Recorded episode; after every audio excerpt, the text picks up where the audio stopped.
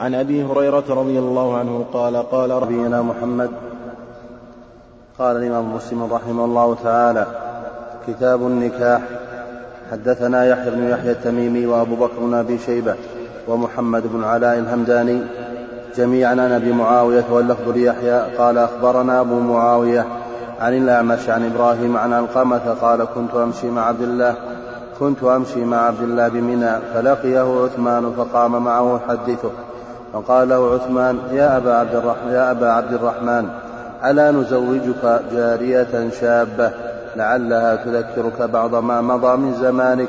قال فقال عبد الله لئن قلت ذاك لقد قال لنا رسول الله صلى الله عليه وسلم. يا معشر الشباب من استطاع منكم الباءة فليتزوج فإنه أغض للبصر وأحسن للفرج ومن لم يستطع فعليه بالصوم فإنه له وجاء. حدثنا عثمان بن أبي شيبة قال حدثنا جرير عن الأعمش عن إبراهيم عن علقمة قال إني لامشي مع عبد الله بن مسعود بمنى إذ لقيه عثمان بن عفان فقال هلم يا أبا عبد الرحمن؟ قال فاستخلاه. فلما رأى عبد الله أن فلما رأى عبد الله أن ليست له حاجة قال قال لي تعال يا علقمة. قال فجئت فقال له عثمان ألا نزوجك يا أبا عبد الرحمن يا أبا عبد الرحمن جارية بكرا لعله يرجع إليك من نفسك ما كنت تعهد. فقال عبد الله لئن قلت ذاك فذكر بمثل حديث أبي معاوية. حدثنا أبو بكر بن شيبة وأبو كريب قال حدثنا أبو معاوية عن الأعمش عن عمارة بن عمير عن عبد الرحمن بن يزيد عن عبد الله رضي الله عنه قال قال لنا رسول الله صلى الله عليه وسلم يا معشر الشباب من استطاع منكم الباءة فليتزوج فإنه أغض للبصر وأحسن للفرج ومن لم يستطع فعليه بالصوم فإنه له وجاء.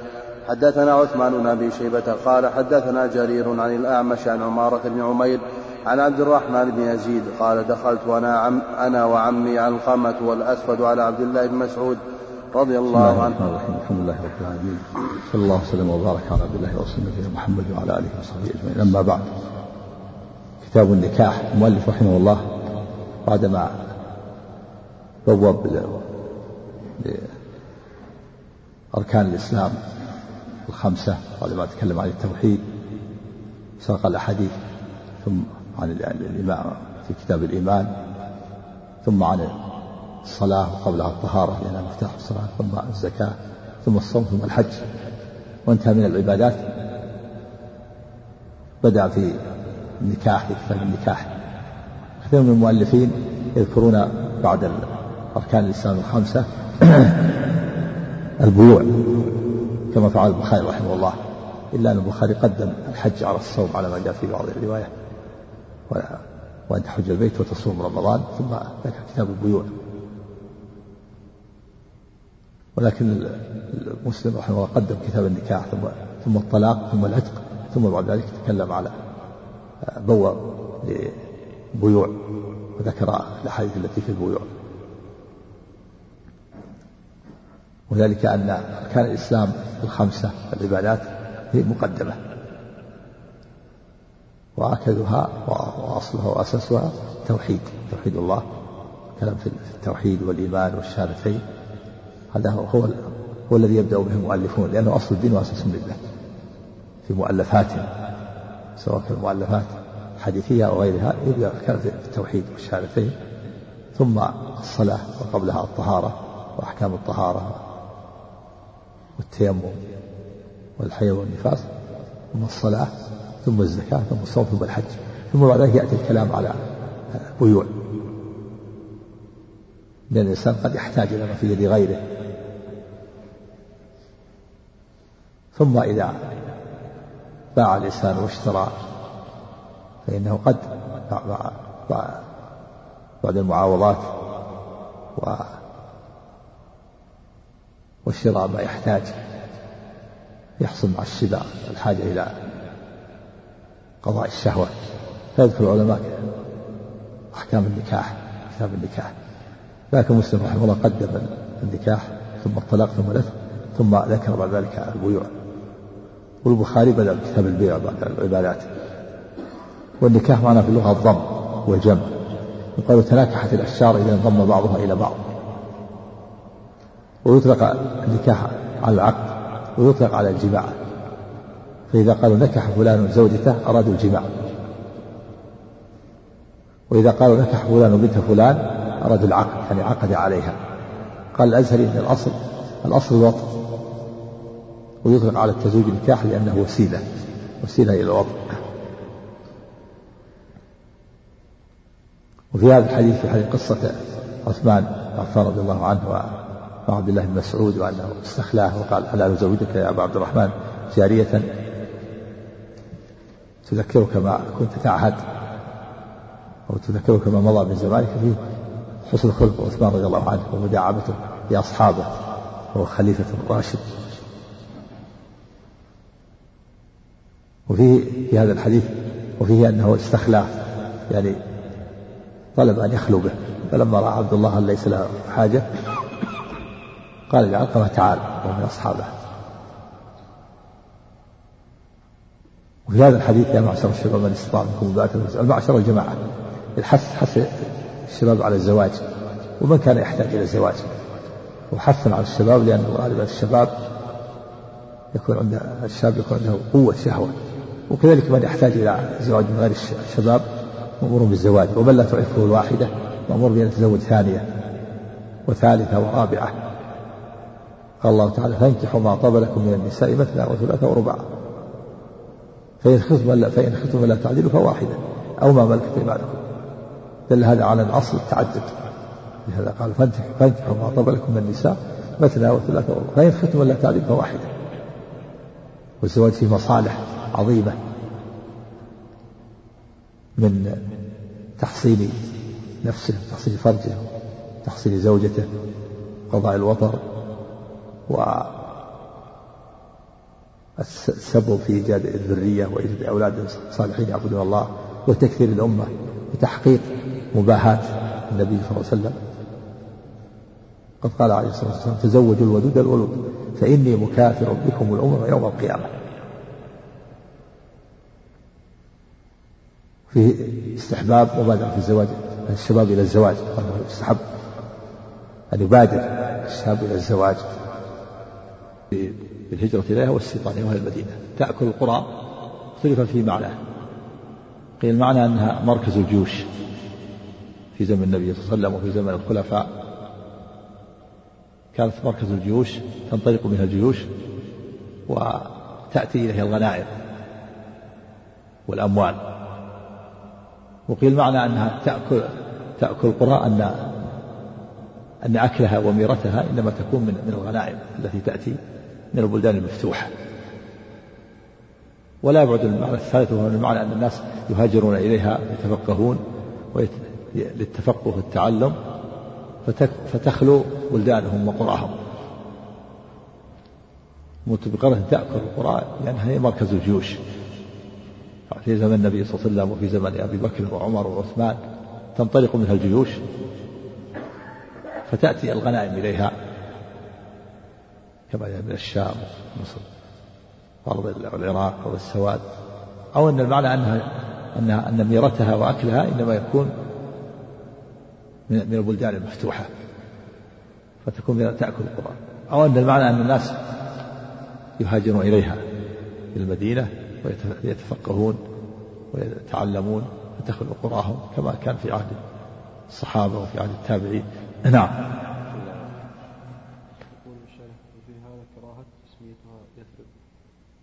يأتي هذا.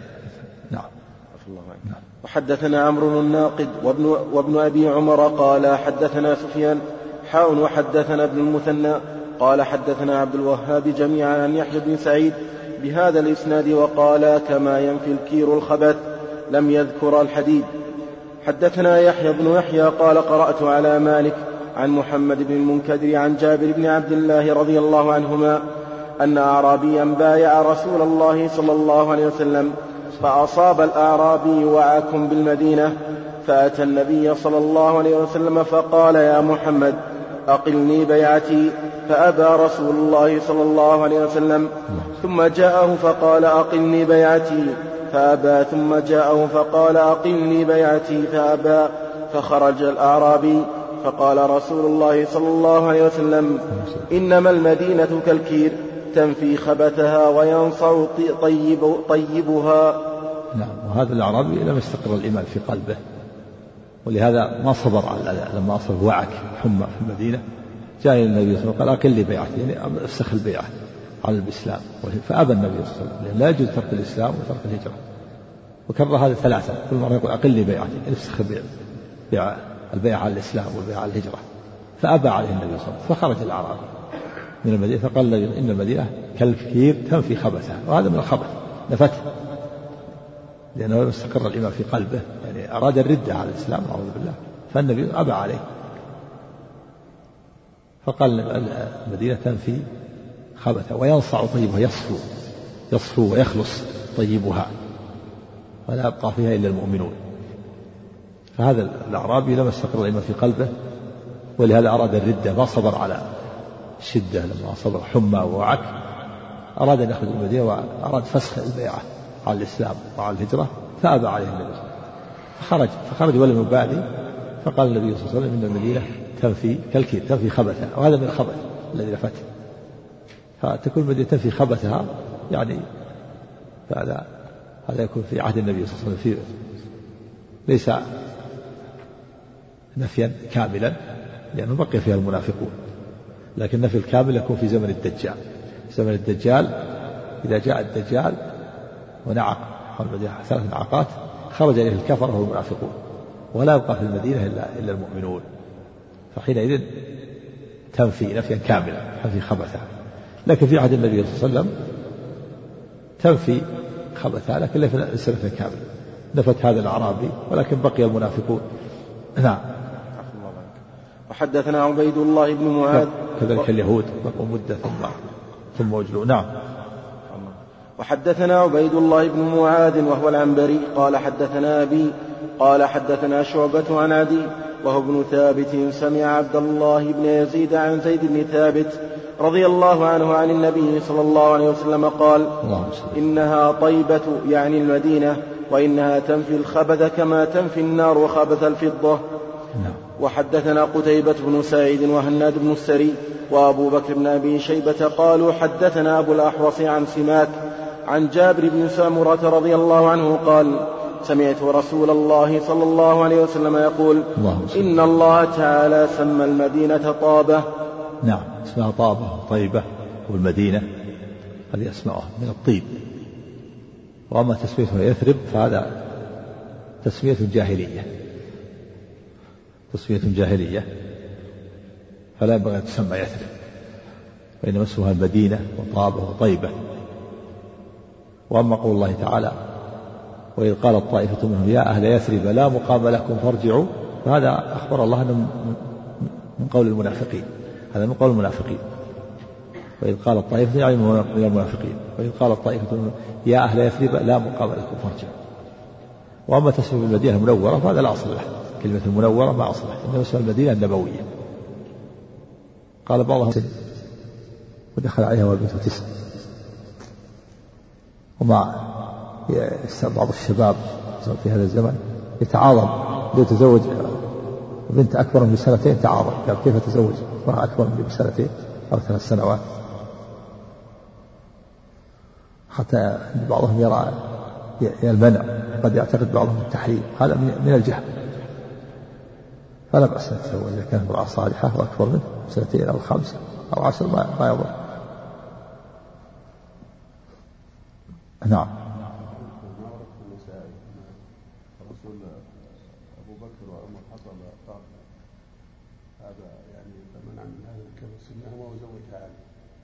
نعم ما اذكر شيء في هذا. حدثنا عثمان بن أبي شيبة هذا إيه؟ أقول هذا إليه ما هو واجب. المهم رضاها إذا رضيت رضي وليها.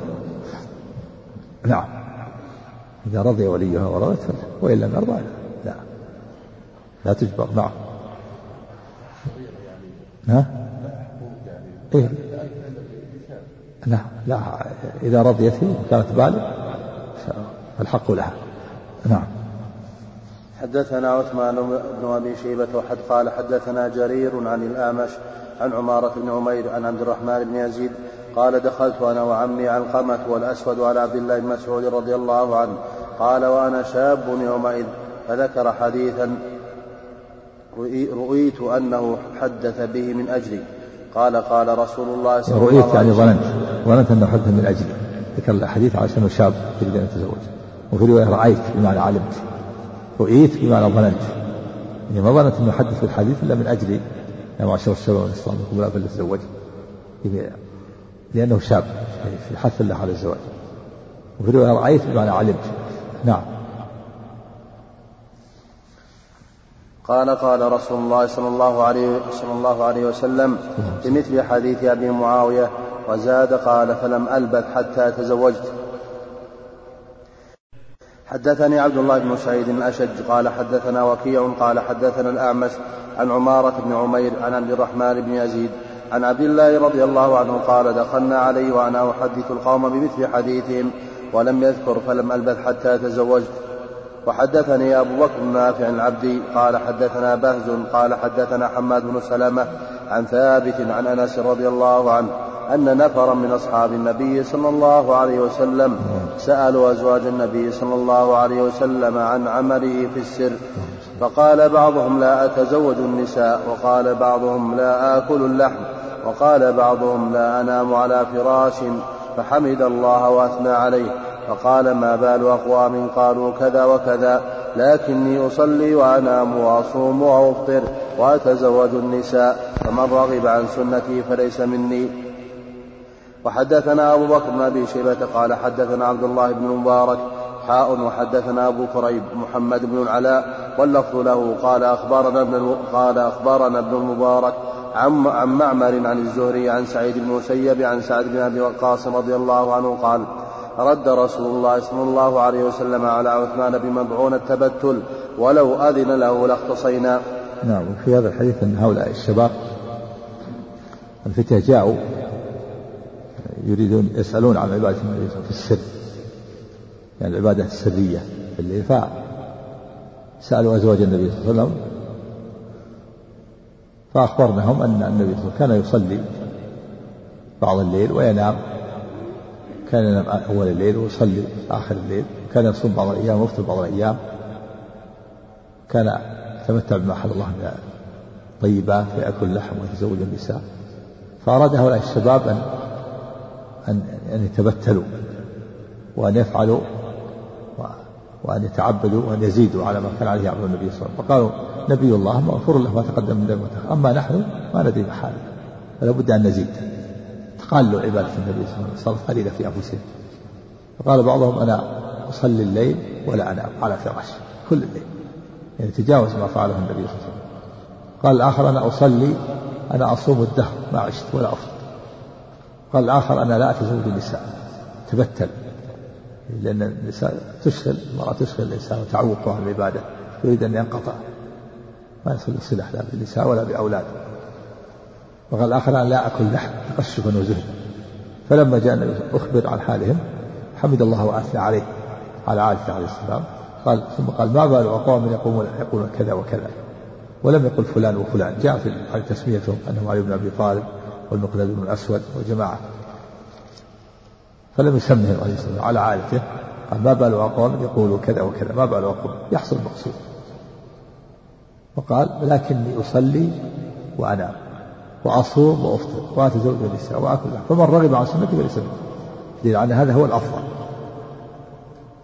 وأنه ليس الأفضل التبتل. لأن التبتل معناه انقطاع انقطاع إلى نوع من العبادة وترك العبادات المتنوعة. يكون الإنسان يتزوج النساء ويقوم بحق الزوجة. وينفق على الأولاد. هذه عبادات. تربية الأولاد سبوا في جزاء النساء هذه عبادات متنوعة. تفوت على متبتل كذا يكون الإنسان يصلي وينام ويصوم ويفطر بعض الأيام حتى يستطيع أن يؤدي بقي العبادات الأخرى. يعطي جسمه حقه ويقابل الضيوف. وإذا كان آه، ينفع الناس يستطيع أن ينفع الناس بشفاعته أو بتوجيهه وإرشاده. أو ببدنه أو بشفاعته أو بماله. إذا كان يصوم النهار ويقوم الليل ما استطاع أن يقوم بالعبادات لا يستطيع يقابل الناس ولا يقابل الضيوف ولا يشفع للناس ولا ينفع الناس ببدنه ولا بماله. يصير منقطع منقطع. تفوت عليه هذه العبادات. هذا أكمل. يصلي وينام ويصوم ويفطر ويقابل الضيوف وينفع الناس يكون نفع متعدي ببدنه يحمل بعض الأمتعة يساعد بعض الناس أو يشفع بالناس بالشفاعة للمظلومين أو ينفق على بعض المحتاجين أو يوجه ويرشد إذا كان عنده استطاع إرشاد وتوجيه أو يدرس ويعلم أو يدعو إلى الله أو يأمر بالمعروف وينهى عن المنكر. كل هذه عبادات متنوعة تفوت على المتبتل. ما يجلس يصلي الليل فقط. ويترك العبادة الأخرى. ثم أيضا هذه عبادة خاصة خاصة به نفعها قاصر. وهذه عبادات متنوعة ولهذا بين لهم أن هذا هو الأكمل وأن هذا هو السنة. من رغب عن السنة فليس ما كان عليه النبي أكمل من حال هؤلاء الشباب يريد كل واحد منهم يتبتل وينقطع. واحد يقول أنا أصلي ولا ولا أنام. إذا صلى الليل إذا جاء النهر ماذا تكون حاله؟ متعب. ينام النهار ولا يستطيع يقابل أحد ولا يقوم بأي عبادة. كذلك إذا كان يصوم الدهر كذلك. وكذلك إذا كان لا يتزوج. لا يتزوج ما عنده أولاد ولا عنده كذا ولا نفقات ولا ولا التزامات ولا تربية للأولاد ولا كل هذه تفوت عليه. ولهذا قال من رغب عن سنة فليس الحديث أن النبي أذن لعثمان رد على عثمان التبتل. ولو أذن له لاختصينا التبتل يعني انقطاع وترك الزواج وترك العمل. العبادات الأخرى. ولو أذن لاختصينا الاختصار قطع الخصيتين وهذا لا يجوز. لا يجوز الاختصار محرم. يبقى فيه من قطع النسل. لكن في الدواب لا بأس. خاصية الدواب الخروف من الغنم لا بأس لأن في مصلحة في فائدة لقوة لكثرة اللحم وطيب اللحم. نعم.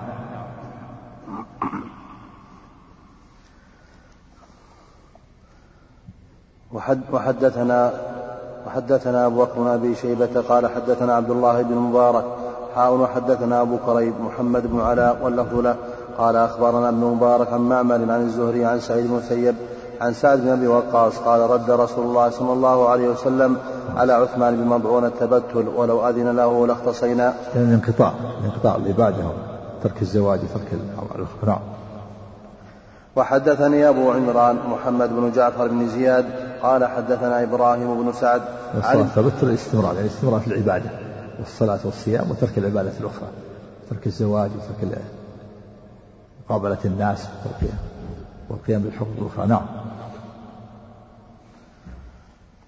قال حدثنا إبراهيم بن سعد عن ابن شهاب عن الزهري عن سعيد بن المسيب قال سمعت سعدا يقول رد على عثمان بن رد على عثمان بن مضعون تبتل ولو أذن له لأختصينا. حدثنا محمد بن رافع قال حدثنا حجين بن مثنى قال حدثنا ليث عن عقيل عن عقيل عن ابن شهاب أنه قال أخبرني سعيد بن المسيب أنه سمع سعد بن أبي وقاص رضي الله عنه يقول أراد عثمان بن مضعون أن يتبتل فنهاه رسول الله صلى الله عليه وسلم ولو أجاز له ذلك لاختصينا. حدثنا عمرو بن علي قال حدثنا عبد الأعلى قال حدثنا هشام قال حدثنا هشام بن أبي عبد الله عن, عن أبي الزبير عن جابر رضي الله عنه أن رسول الله صلى الله عليه وسلم رأى امرأة فات امرأته زينب رأى امرأة فات امرأته زينب وهي تمعس منيئة لها فقضى حاجته ثم خرج إلى أصحابه فقال إن المرأة تقبل في صورة شيطان وتدبر في صورة شيطان فإذا أبصر أحدكم امرأة فليأتي أهله فإن ذلك يرد ما في نفسه. نعم هو تمعس يعني تدرس تدلك والمنيئة الجلد أو موضع في الدباغ على وزن ذبيحة. منيئة على وزن ذبيحة صغيرة وكبيرة. تمعس يعني تدلك جلدا لها الجلد الدباغ يعني تدبغه فيها النبي صلى الله عليه وسلم رأى امرأة فوقع في نفسه شيء فأتى زوجته زينب وقضى حاجة منها يعني جامعها وقال إن المرأة تقبل في صورة الشيطان وتدبر في صورة الشيطان. فإذا رأى أحدكم امرأة تعجبه أو أعجبته فليأتي أهله فإن ذلك يرد ما في نفسه. في استحباب جماع الزوجة إذا رأى زوجة إذا رأى امرأة ووقع في نفسه شيء في اللفظ الآخر أن الشيطان يوقع في نفسه. فإذا رأى امرأة في الشارع ووقع في نفسه شيء من ذلك من الشيطان فإنه يذهب إلى زوجته يستحب له أن يذهب إلى زوجته ويجامعها حتى يرد هذا ما في نفسه ما أوقعه الشيطان في نفسه. نعم. بهذا القيد هذا نعم. يعني قيد إذا وقع في نفسه. إيه، نعم إذا مستحب. هذا إذا وقع في نفسه شيء نعم نعم. حدثنا زهير بن حرب قال حدثنا عبد الصمد بن عبد الوارث قال حدثنا حرب بن أبي حرب بن أبي العالية قال حدثنا أبو الزبير عن جابر بن عبد الله رضي الله عنه أن النبي صلى الله عليه وسلم رأى امرأة فذكر بمثله غير أنه قال فأتى امرأته زينب وهي تمعس منيئه ولم يذكر تدبر في صورة شيطان. وحدثني سلمة بن شبيب قال حدثنا الحسن بن أعين قال حدثنا معقل عن أبي الزبير قال قال جابر رضي الله عنه ما سمعت النبي صلى الله عليه وسلم يقول إذا أحدكم أعجبته المرأة فوقعت في قلبه فليعمد فليعمد إلى امرأته فليواقعها فإن ذلك يرد ما في نفسه. هذا علاج هذا في علاج في علاج. إذا راى إذا رأى المرأة يعني في الشارع رأى امرأة فوقع في نفسه شيء من ذلك أو أعجبته صورتها فياتي إلى أهله ويجامع زوجته فإن هذا يرد ما في نفسه ويزيل ما أوقعه الشيطان في نفسه. نعم. حدثنا محمد بن عبد الله بن نمير الهمداني قال حدثنا أبي ووكيع وابن بشر عن إسماعيل عن إسماعيل عن قيس قال سمعت عبد الله رضي الله عنه يقول كنا نغزو مع رسول الله صلى الله عليه وسلم ليس لنا نساء فقلنا لا نختصي فنهانا عن ذلك ثم رخص لنا أن ننكح المرأة بالثوب إلى أجل.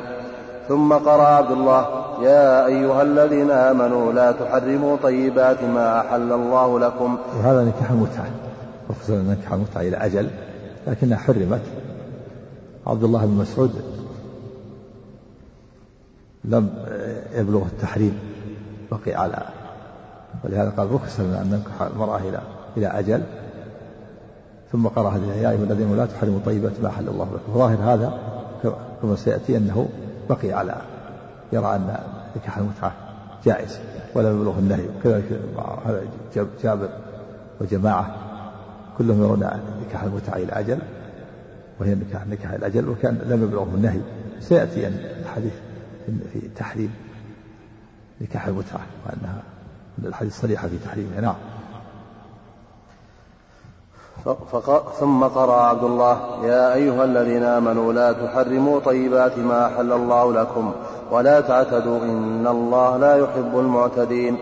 وحدثنا عثمان بن أبي شيبة قال حدثنا جرير عن إسماعيل بن أبي خالد بهذا الإسناد مثله وقال ثم قرأ علينا هذه الآية ولم يقل قرأ عبد الله. وحدثنا أبو بكر بن أبي شيبة قال حدثنا وكيع عن إسماعيل بهذا الإسناد قال وكنا نحن شباب فقلنا يا رسول الله ألا نختصي ولم يقل نغزو؟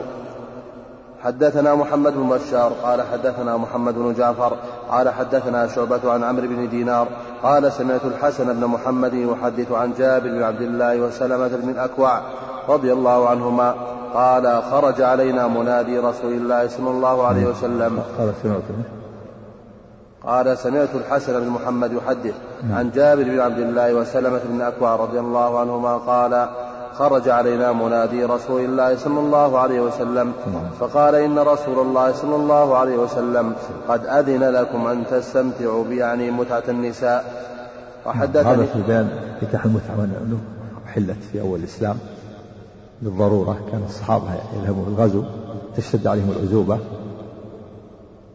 فأبيح لهم نكاح المتعة وهو النكاح إلى أجل. ليس فيه عقد ولا ولي. يتفق معها ويعطيها شيئا مهرا ويكون نكاح إلى أجل. ثم حرم ذلك. وقيل إنها حرمت ثم أبيحت ثم حرمت. وأنها حرمت أبيحت ثم نسخ تحريم ثم أبيحت مرة أخرى في يوم الفتح ثم حرمت إلى يوم القيامة. نعم كما سيأتي في الأحاديث. نعم. الزواج من الطلاق ليس هذا فيه خلاف في خلاف بين العلماء. منهم ما جازه ومنهم من منعه. نعم.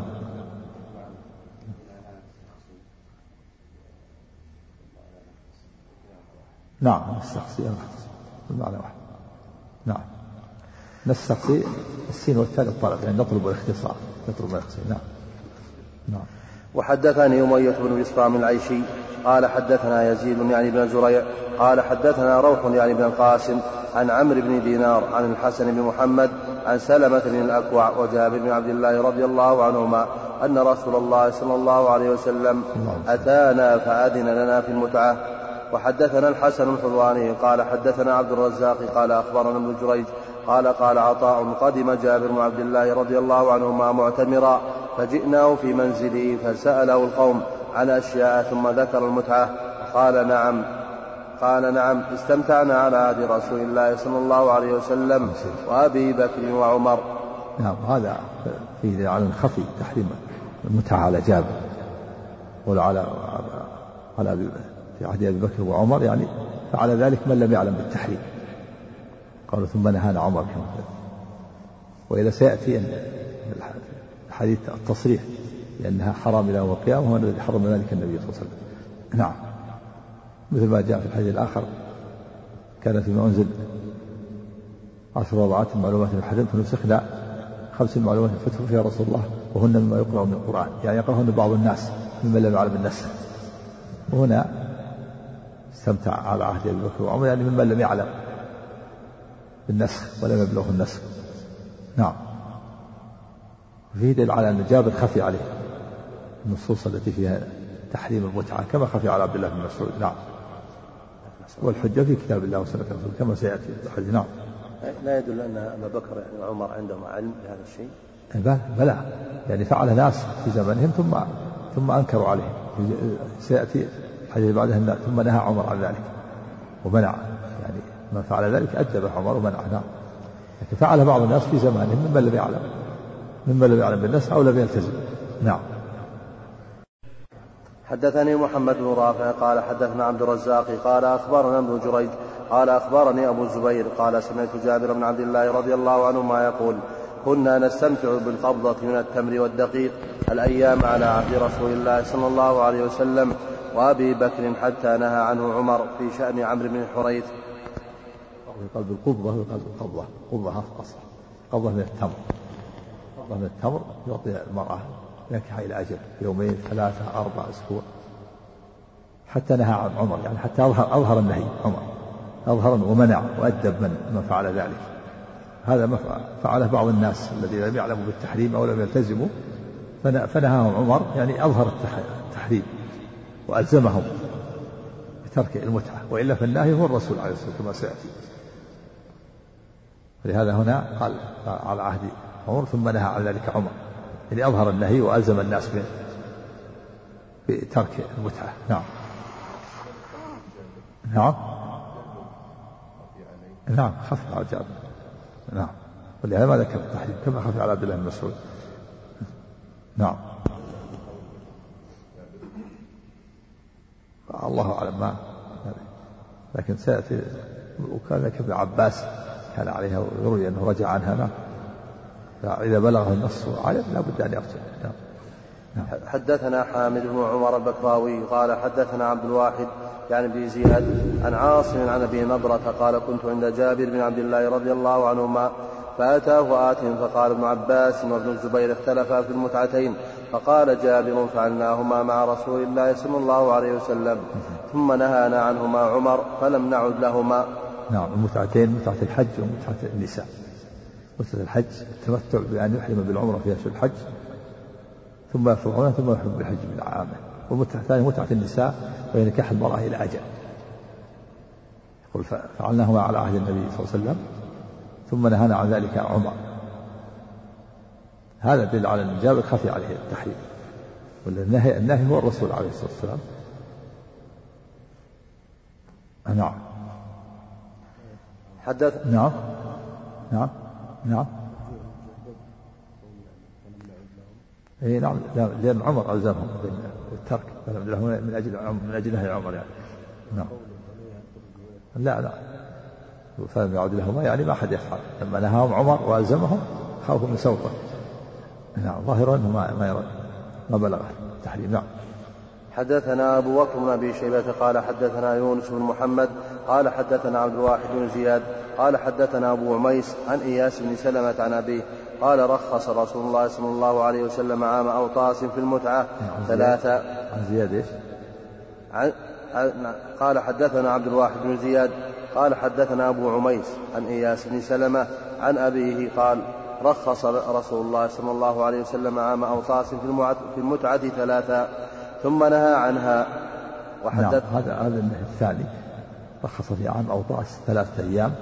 لما اشتدت العزوبة بعد فتح أيام أوطاس ودم بالطائف حصلت فيه المعركة. بعد فتح مكة. ثم نهى عنها. في الآخر أنه عنها يوم خيبر.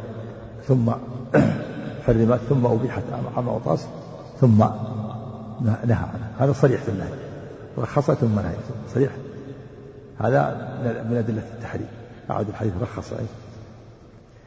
قال رخص رسول الله صلى الله عليه وسلم عام أوطاس في المتعة ثلاثة ثم نهى عنها. نعم صريح في النهي. هذا النهي.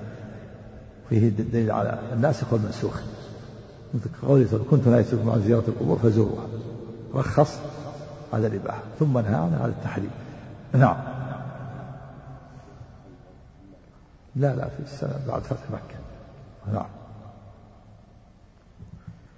وحدثنا قتيبة بن سعيد قال حدثنا ليث عن الربيع بن سبرة الجهني عن أبي سبرة أنه قال آذن لنا رسول الله صلى الله عليه وسلم بالمتعة فانطلقت أنا ورجل إلى امرأة من بني عامر كأنها بكرة عيطاء فعرضنا عليها أنفسنا فقالت ما ما تعطي؟ فقلت ردائي وقال صاحبي ردائي وكان رداء صاحبي أجود من ردائي وكنت أشب منه وكان رداء صاحبي؟ وكان رداء صاحبي أجود من أجود نعم. وكان رداء صاحبي أجود من ردائي وكنت أشب منه. فإذا نظرت إلى رداء إلى رداء صاحبي أعجبها وإذا نظرت إلي أعجبتها. ثم قالت أنت ورداؤك يكفيني فمكثت معها ثلاثا ثم إن رسول الله صلى الله عليه وسلم قال من كان عنده شيء من هذه النساء التي يتمتع فليخ... فليخلي سبيلها. فليخلي سبيلها. هذا هذا النهي هذا التحريم. هذا التحريم في دليل على أنها ابيحت ثم حرم فليخلي سبيلها. نعم. كأنها بكرة شابة جميلة كأنها بكرة فتية بكرة فتية من من الإبل عيطاء يعني طويلة العنق. اعتدال واستقامة جميلة. ففيه أن عرض كل واحد عرض نفسه عليها. فيه دليل على ما في ولي ما في ولي ولا شهود. فيه نكاح إلى أجل. استمتع بها ثلاثا أعطاها رداء برداءه ثوب قطعة مثل الرداء يكون على المحرم واستمتع بها ثلاثة أيام. ثم قال فليخلي سبيلها. نعم.